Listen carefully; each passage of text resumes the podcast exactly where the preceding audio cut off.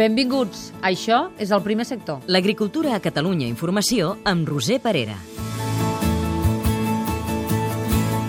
Avui ens apropem al sector viverista d'arbres. En concret, coneixerem el de Girona.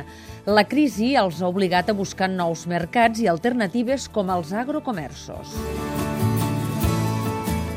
I la veu del camp és avui per la fruita seca que reclama més diners i superfície de cultiu. El primer sector.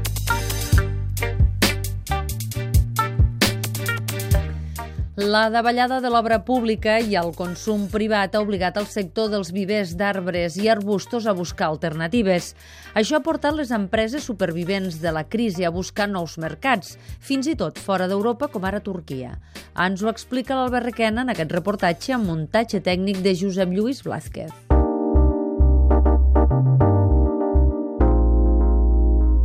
Algunes dades del sector viverista de les comarques de Girona.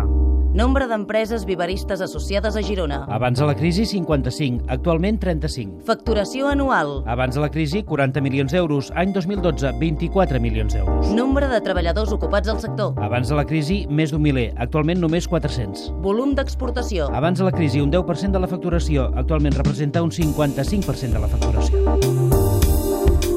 Tot i aquest creixement de les exportacions, el sector encara ho veu com una oportunitat. Ho explica Jordi Brunsoms, president de l'Associació de Viveristes de Girona. Tot i que és molt difícil vendre fora i la competència és molt gran i els preus també tenen d'estar molt, molt ajustats, eh, però és l'única solució, perquè el mercat nacional eh, no existeix o existeix encara amb unes, unes, uns nivells molt i molt baixos. França continua sent el primer país importador, però al segon lloc se'l disputen Itàlia i Turquia. Turquia, Azerbaijan i tota aquella zona d'allà baix està en ebullició, està pujant amb uns creixements molt importants i llavors està, està tirant una mica i també una altra cosa important és que és la porta per entrar molts, molts dels vivers que hi ha o molta gent d'allà eh, venen a, a Rússia també.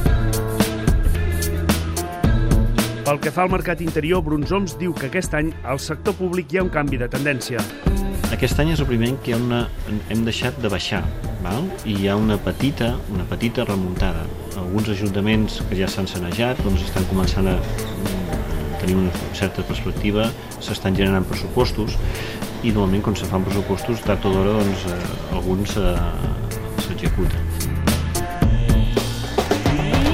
Destaca també l'augment del consum privat, sobretot a la Costa Brava. Totes les zones costeres eh, està entrant molta gent estrangera eh, que està comprant casetes per l'oportunitat de comprar cases a un preu molt més baix del que era normal i com compren cases tenen de reformar, tenen d'arreglar i també està funcionant una mica amb els turistes russos com a clients destacats.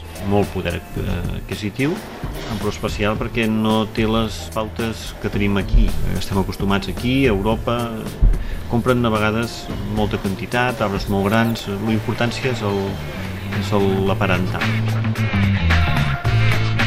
Altres alternatives pels viveristes són els agrocomerços. Un agrocomerç és una botiga especialitzada en el senyor que té un hort allà on es venen doncs, des de productes d'alimentació, es venen doncs, productes per l'hort, es venen productes eh, per fer tomatanca, es venen eh, un fruiter, es ven planta aromàtica... Malgrat tot, Brunsoms assegura que al sector li costa remuntar pel greuge comparatiu que el suposa un IVA del 21%. El Viver és una empresa agrícola i és l'única empresa que estan amb un IVA diferenciat del resto. Segona, tenim de competir amb, amb altres països que tenen un IVA del 7, 8, 9%. I llavors, per què nosaltres tenim de tenir el 21%? No? Vull dir, això és un greuge comparatiu amb els altres. Tot i això, els viveristes gironins s'han fixat el 2016 per poder tornar a organitzar la Fira de Planta i Jardí que es feia al Palau de Fires de Girona. El primer sector. La veu del camp. Soc Cisco Esquerda, responsable de fruita seca de JAR, i el Ministeri ens ha presentat un borrador de pla de reestructuració de la fruita seca i com a JAR han fet, eh, han fet aportacions per canviar algunes coses d'aquest pla. Les principals, les principals serien dotar amb més diners i automàticament amb més superfície aquesta, aquest pla de, de reestructuració a nivell nacional i automàticament també a Catalunya i que també sigués acotat a pagesos professionals, que són els que realment viuen viuen de les, de les produccions de fruita seca. Amb, amb, aquesta, amb aquest primer borrador veiem que a Catalunya tocaríem molt poques hectàrees, 350 hectàrees a reconvertir i any. Creiem que amb, amb el boom que hi ha de, de la fruita seca al nostre país, creiem que són poques i hauríem d'arribar almenys a unes 1.000 hectàrees anuals, creiem nosaltres que es poden reconvertir i dotades pressupostàriament suficient per a que això pogués tirar endavant. El primer sector un programa realitzat des dels centres territorials de Catalunya Informació.